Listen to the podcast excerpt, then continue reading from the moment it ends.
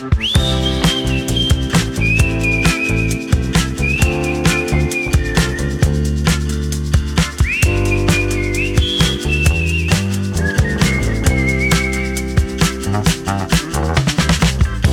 dia, Sílvia. Bon dia, com estàs, Andreu? Molt bé, tot a lloc, no ens podem queixar. I tu? També molt bé, molt bé. Avui vinc molt animada perquè aquesta tardor hi ha un munt de novetats a Easy Catalan. Ui, a veure, a veure, podem avançar alguna cosa? Jo crec que hauríem de fer un episodi només explicant les novetats, perquè n'hi ha moltíssimes i hi ha moltes coses a comentar. D'acord. Però sí, podem dir, podem dir dues coses, com dos titulars. Vinga. El primer titular seria que a partir de l'octubre, encara no sabem ben bé si serà a inicis o a mitjans de mes, farem classes de català. Classes... classes. Mm, sí, sí. O sigui, en el sentit de que hi haurà una persona, un professor, i les classes seran en línia a través de l'ordinador, de videotrucada, i, i hi haurà grups reduïts o classes individualitzades o sessions individualitzades de conversa. Però bé, Mhm. això ja ho explicarem més endavant. molt bé, per tant, ja ho detallarem, però us fem aquesta primícia, no?, que començarem a oferir classes perquè és una cosa que, de fet, ens ha demanat molta gent, no?, a través de les Moltíssima xarxes gent. socials. Sí. Mhm. Gairebé Molt bé. cada setmana arriben missatges, o sigui que totes aquelles persones interessades que sapigueu que a partir de l'octubre doncs, oferirem aquest servei. Uh, que bé. I l'altra novetat que també us volíem explicar, així només en mode de primícia, de titular, és que a partir de l'octubre també Mhm. posarem a la venda, publicarem un curs bàsic d'autoprenentatge en línia. Exacte. En aquest curs hi hem estat treballant des de fa un any Mhm. i hem dedicat moltíssimes hores. És un curs fantàstic, que estic molt contenta de com ha sortit i, i res més. No dic res més i ja us explicarem tot més endavant. Sí, bé, ja en parlarem, no? Però un curs en el qual hi hem participat molta gent i que és per a principiants, per a gent que comencin a partir de zero i, i bé, això. Ja us hem fet boca una mica. D'acord, i abans que parlàvem de les xarxes socials, crec que hem rebut un missatge per Facebook, no? Sí, és un missatge escrit, així que us el llegiré. Vinga. Diu Hola, em dic Diana, visc a Itàlia i estic estudiant català. Vaig començar per amor, perquè primer em vaig enamorar d'un català i després de Barcelona. I vaig continuar perquè m'agrada i perquè crec que conèixer aquesta llengua em pot obrir portes. Fins aquí tot bé, Uh -huh. però quan parlo amb gent que viu a Catalunya o a la comunitat valenciana, sobretot si no són autòctons, veig que tenen la tendència a desanimar-me. Em diuen que saber català no serveix de res, que ningú el parla, que saber-lo no t'obre cap porta. És cert el que em diuen? Jo continuo estudiant-lo perquè m'agrada i, sobretot, perquè em fascinen totes les similituds amb els dialectes italians. Però us volia demanar de fer, si és possible, un episodi sobre els avantatges que pot donar el fet de conèixer el català per una persona estrangera que vol tenir contactes o fins i tot viure a Catalunya o a la comunitat valenciana. Moltes gràcies i una abraçada des d'Itàlia. Hmm. Fu, Bé, a veure, aquí hi ha moltes, sí, moltes coses, coses, per comentar. Sí, sí, sí. Primer de tot, doncs, Diana, ens alegrem molt que ens hagis enviat aquest missatge, Mhm. que, que ens segueixis i que ens escoltis, i dir-te que gent que et desanimi a la vida en trobaràs sempre. Sí. Perquè, malauradament, no només amb les llengües, sinó amb qualsevol cosa que facis a la vida, sempre hi haurà algú que et dirà ui, malament, Sí. malament. I malament, aquesta gent, malament." com més lluny, millor. Millor. Després d'això, dir-te també que vam fer un episodi del podcast Mhm. dedicat a raons per les quals algú ha d'aprendre la llengua catalana. Correcte. L'episodi... No me'n recordo... Sí, és l'episodi número 15, titulat Motius per aprendre català. I allí la Sílvia i jo vam, vam portar, vam comentar un munt de motius pels quals una persona, Com 42.000 motius. per exemple, tants motius per aprendre el català. Per tant, si no l'has escoltat, escolta'l, que allà en trobaràs molts, i si ja l'has escoltat, potser el pots reescoltar una vegada per tenir més presents tots aquests motius. Però, tot i això, jo crec que en el teu missatge, Diana, has dit tres paraules que per mi són les més importants a l'hora d'aprendre una llengua, que és amor, passió, no? Crec que parlaves Sí. de que et fascinen... Fascinar. Això, fascinació, no? O sigui, que et fascinen les similituds amb els altres dialectes italians i que vas començar per amor.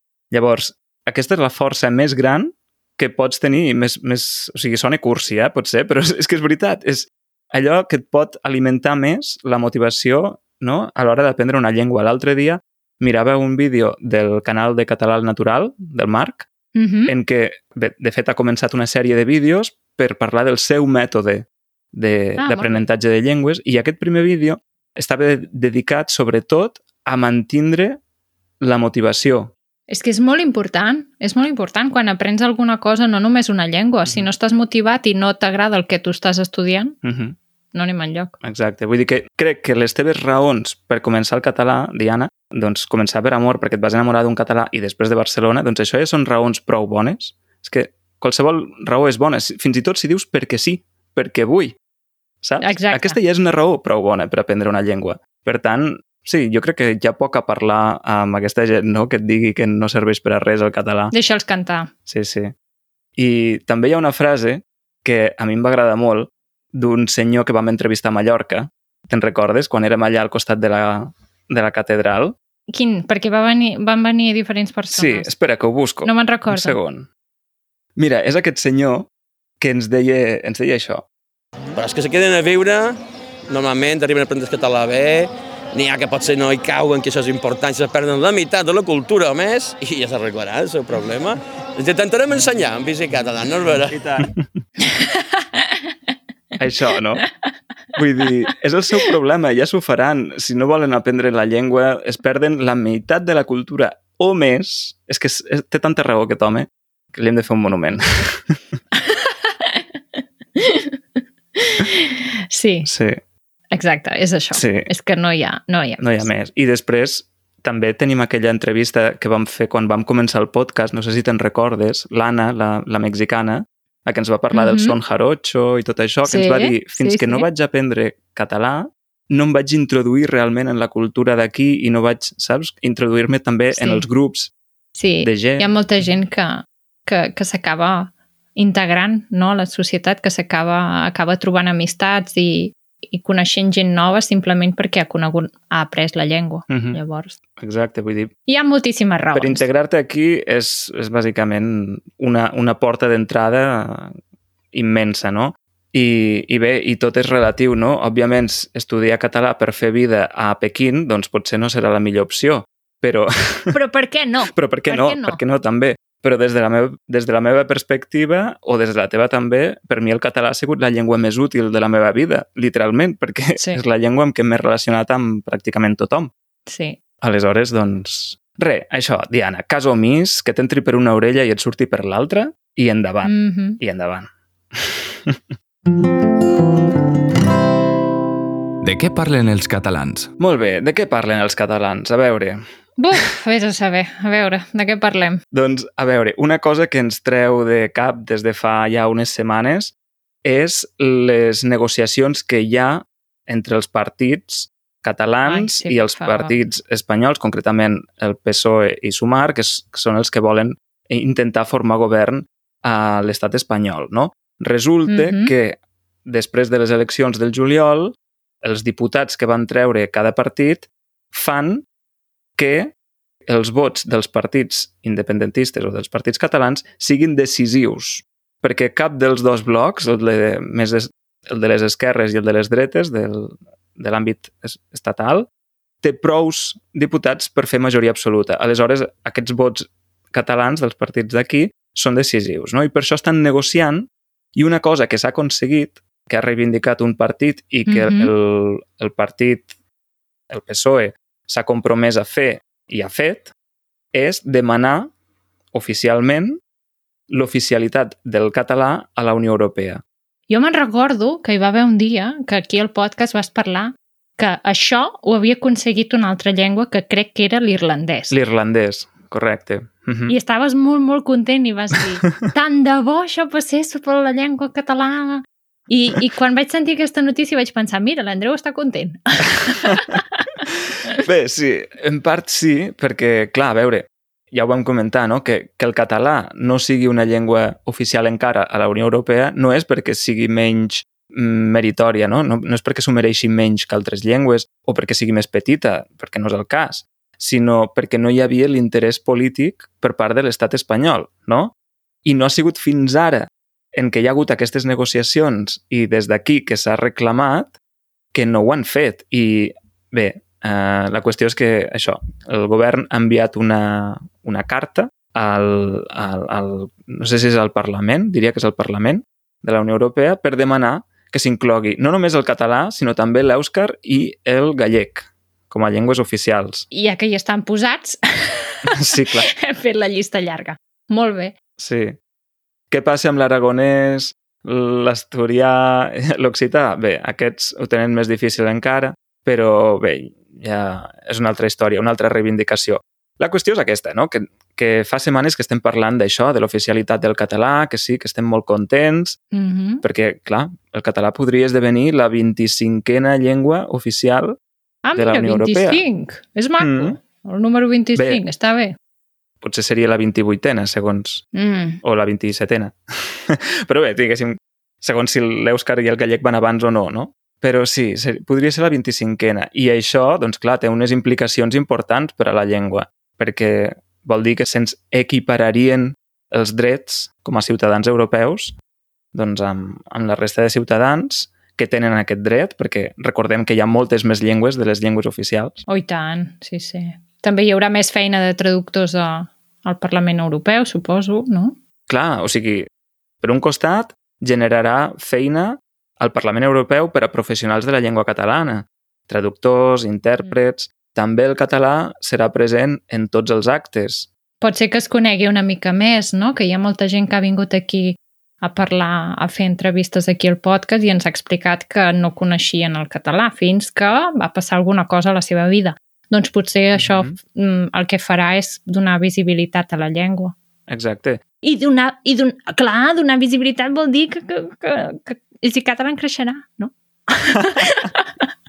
Bé, jo anava a dir que, que nosaltres ens podrem adreçar a qualsevol institució de la Unió Europea en català i la Unió Europea ens haurà de respondre en català, és a dir, s'haurà de traduir aquesta, aquesta documentació al català, no? Com això, no sé, hi ha tota una sèrie de, de conseqüències i és que, per exemple, doncs, els productes que, que s'han d'etiquetar en alguna llengua oficial doncs ja es podran etiquetar en català. Empreses que es guien segons, o sigui, empreses que fan servir les llengües oficials per a les seves webs o per, a, no, per als seus protocols, el que siguin, doncs quan vegin que hi ha el català potser també l'inclouran. A veure, a veure, ja ho anirem Mhm. veient amb el temps, es anirà veient què passa. Exacte. Clar, que el govern espanyol demani l'oficialitat no vol dir que demà mateix passi a ser oficial, no? Encara hi ha tot un procés, han de passar moltes coses. Per, Per això. començar, això, s'ha d'aprovar per unanimitat, és a dir, tots els països han de votar que sí. Això ja és un gran què, Mm -hmm. un, un gran escull, perquè, clar, no sabem si França estarà d'acord. Ja ho veurem com anirà Ja tot veurem, plegat, ja eh? ho veurem. És que estàs molt content, Andreu. doncs, jo estic molt content, doncs ja està, gaudeix del moment. Saps què però també dir? sóc escèptic, no? Sí, sí, carpe diem, però no em vull fer il·lusions. No em vull fer il·lusions perquè després venen les decepcions. Saps què vull dir? En fi, Ja ho veurem. de fet, mira, crec que farem una, una expressió de la setmana aquí enmig, perquè ve molt, uh, ve molt a, a, a tema. Mm -hmm. L'expressió de la setmana. Doncs hi ha una expressió, Sílvia, que és no diguis blat. Fins que no sigui Eh? el sac i ben lligat. Exacte. No diguis blat fins que no sigui al sac i ben lligat. És a dir, no cantis victòria fins que no estigui tot assegurat. Sí, Per tant, és molt important, és Sí. molt important, sí. per tant, sí, estic content perquè el que ha passat ara és una cosa que podria haver passat fa 40 anys i no i mai hi ha hagut l'interès polític. Per tant, és un pas endavant, però encara hi ha molta feina per fer i fins que no estigui el blat al sac i ben lligat, no cantarem victòria. A més, eh, els catalans són molt així, eh? Vull dir, ja, ja ho veurem, no? Sí. Així com dient, Sí, sí. sí, però ja es veurà, ja es veurà a veure què passarà. Sí. Fins al final no, no estem contents Mhm. del tot. Sí, sí. L'escepticisme sempre, eh? Aquest escepticisme tan propi. D'acord. I bé, aleshores, clar, a veure, els nostres oients ara estan fent una pràctica de comprensió oral Però si us interessa aquest tema i voleu saber-ne més i voleu fer una comprensió escrita, us deixarem a les notes del programa un parell d'articles que analitzen una mica més tota aquesta qüestió de la petició de l'oficialitat del català. D'acord? Si us interessa. Però això, això, això és nivell avançat, no, eh? Mm, el següent. Bé, però si us interessa ho teniu a les notes, d'acord? I aleshores una cosa relacionada que ha passat també aquestes setmanes és que quan es van constituir les Corts, és a dir, el Parlament espanyol, el Parlament que hi ha a Madrid, Mm. que es coneix amb el nom de Congrés dels Diputats, la nova presidenta és illenca, és de les Illes Balears. De fet, és l'expresidenta de les Illes. Mm. I Exacte. em refereixo a la nova presidenta del, del Parlament, eh? no del govern espanyol, del, del Parlament espanyol. Doncs, aquesta presidenta, el primer que ha fet és dir, i diguem, prometre, que assegurarà que es pugui fer servir el català, l'èuscar i el gallec al Congrés dels Diputats, cosa que fins ara no es podia. No es podia, exacte. Uh -huh.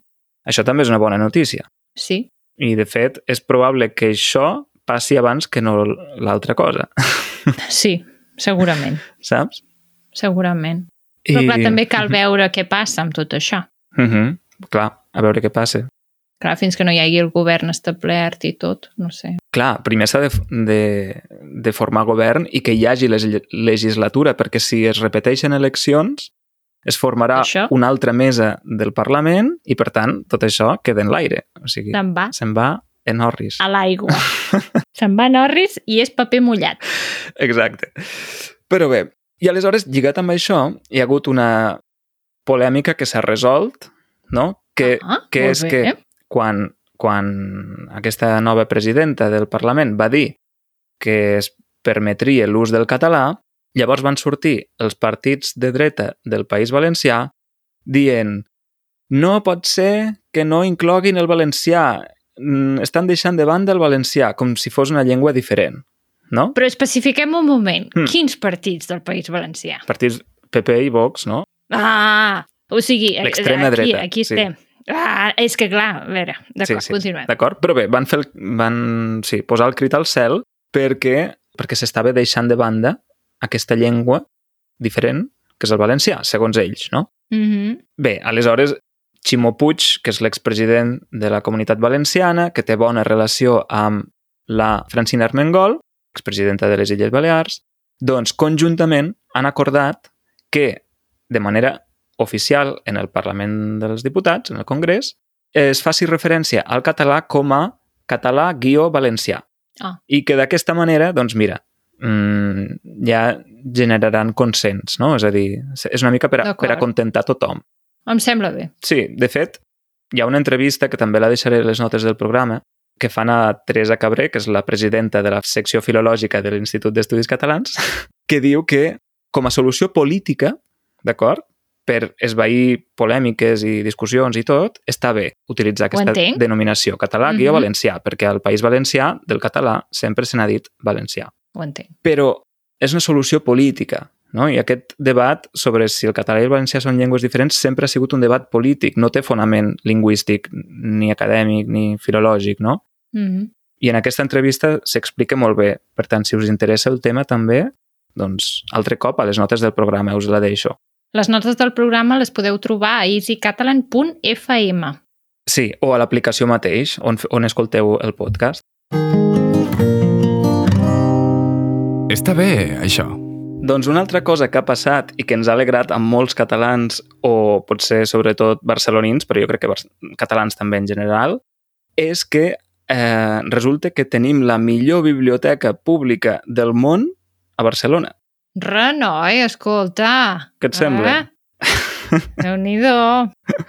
Vam dir que teníem el millor xocolater del món i ara també...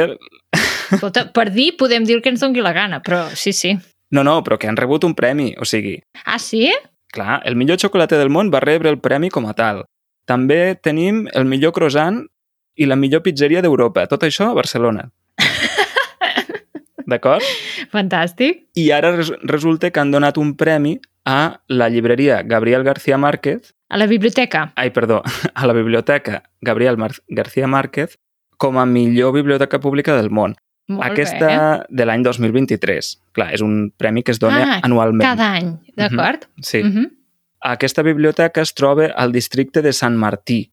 No és un Mhm. districte gaire cèntric, per anar-hi s'hi pot anar fàcilment amb metro, per exemple, des de plaça Universitat, agafant la línia Lila, o des de Passeig de Gràcia, també la línia Lila, i res, són 15 minuts en, en metro. I és una biblioteca doncs, molt moderna. De fet, hi vaig anar l'altre dia, eh, recordes aquell dia que vam quedar per fer una reunió i jo no, Ah, sí, no sí, vaig sí. poder-la sí. fer Sí? perquè havia de Sí. treballar des de casa, però no tenia les claus, i vaig decidir anar a veure aquesta biblioteca i treballar-hi des d'allà, no? D'acord. I com és? Doncs és molt xula, la veritat. Eh, és molt lluminosa, té molta llum natural, Oh, és molt clara, els colors que s'han fet servir són sobretot el blanc i el de la fusta clara, no? Ah, fusta així De sense pi? pintar, sí. Té uns espais molt diferents entre si, és a dir, no és allò que cada planta sigui idèntica, sinó que Ah. cada planta és diferent, amb, es- amb distribucions diferents, no? i fins i tot els seients que pots trobar també generen molts espais diferents. I fa la sensació com que... O sigui, és molt curiós perquè tens la sensació d'estar al menjador de casa, no? en el sentit que és molt Sí. confortable, molt còmode, molt agradable, ah, i això, però alhora com si estiguessis al carrer, perquè hi ha molta gent. Llavors, és una barreja molt curiosa, però s'ha de dir que, bé, vaig estar-hi 3 hores i mitja i vaig estar molt a gust. Està molt ben equipada, és moderna, ben dissenyada també. Mm -hmm. Sí, per tant, recomano anar-hi, la veritat. Si us agrada fer turisme de biblioteques, perquè n'hi ha de molt xules pel món, doncs aquesta la veritat és que val la pena. Val la pena. Em va recordar, vaig estar a Oslo fa un temps i em va recordar la Biblioteca Pública d'Oslo. Si algú la Ah. coneix, doncs és semblant en el sentit, doncs això, no? que és una biblioteca molt moderna, pensada amb una com amb un objectiu social, no? que tothom, Mm -hmm. que gent de totes les edats pugui trobar-hi el seu lloc i que s'hi puguin fer moltes activitats diferents. Per exemple, hi ha un estudi per gravar podcasts, Uau, un estudi de gravació. molt bé. Potser podríem anar-hi un dia, Oh, potser sí. no? Sí, per què no? Mm. Doncs bé, i, i, i clar, jo em vaig preguntar, i per què es diu Biblioteca Gabriel García Márquez, no? Perquè és un autor llatinoamericà. Sí. Doncs resulta que aquest autor va viure a Barcelona durant un temps i per això li han fet doncs, aquest homenatge, no? Ah, molt bé, molt Mm. bé. Però aquesta, aquesta biblioteca, per tant, entenc que és de construcció nova, o sigui que l'acaben Sí. d'estrenar. Sí, és de l'any passat, del 2022. Ah, d'acord, Mhm. d'acord. Sí. Ah, I molt aleshores, bé. sí, doncs uh, s'hi pot trobar molta literatura llat llatinoamericana en homenatge a, a aquest autor Mhm. colombià Molt bé. I també hi ha una part dedicada al còmic, als còmics de Mortadelo i Filemó, de Ah, Francisco! Ibáñez, que també era barceloní. Jo no sabia que era barceloní.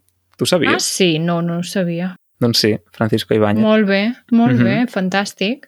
Doncs, escolta, ja hi aniré algun dia. Doncs sí, val la pena, la veritat. A més, una curiositat, un fun fact sobre aquesta biblioteca és que ha passat de ser la biblioteca més petita de Barcelona, és a dir, la- l'antiga, no? Mm -hmm. la que hi havia abans, era la més petita.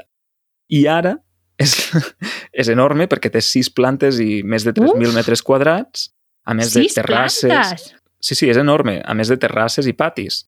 Doncs és la més gran, però a més a més, doncs això, la millor del món ara mateix. Uau, O sigui que... molt bé, molt bé. Sí, sí. Està doncs bé, no? escolta, un equipament molt guai pel barri. Mm, exacte. Molt bé, molt Sí, bé. sí. Doncs res, potser podem acabar l'episodi aquí. Molt o, bé. si no és que vols afegir alguna cosa. No, veig que estàs molt content, Andreu, per tant, continuem així. Exacte. doncs res, doncs eh, passarem als agraïments, com sempre. Moltíssimes gràcies a tothom per haver escoltat aquest episodi fins aquí. Agrair també a tots els mecenes que cada mes ens donen suport per continuar el projecte i també agrair al Departament d'Empresa i Treball de la Generalitat de Catalunya. Moltíssimes gràcies a tothom. Moltes gràcies a tothom per donar-nos suport, per permetre que continuem aquest projecte i això, i ens sentim la setmana que ve. Apa, que vagi molt bé. Que vagi molt bé. Adeu, adeu. Adéu.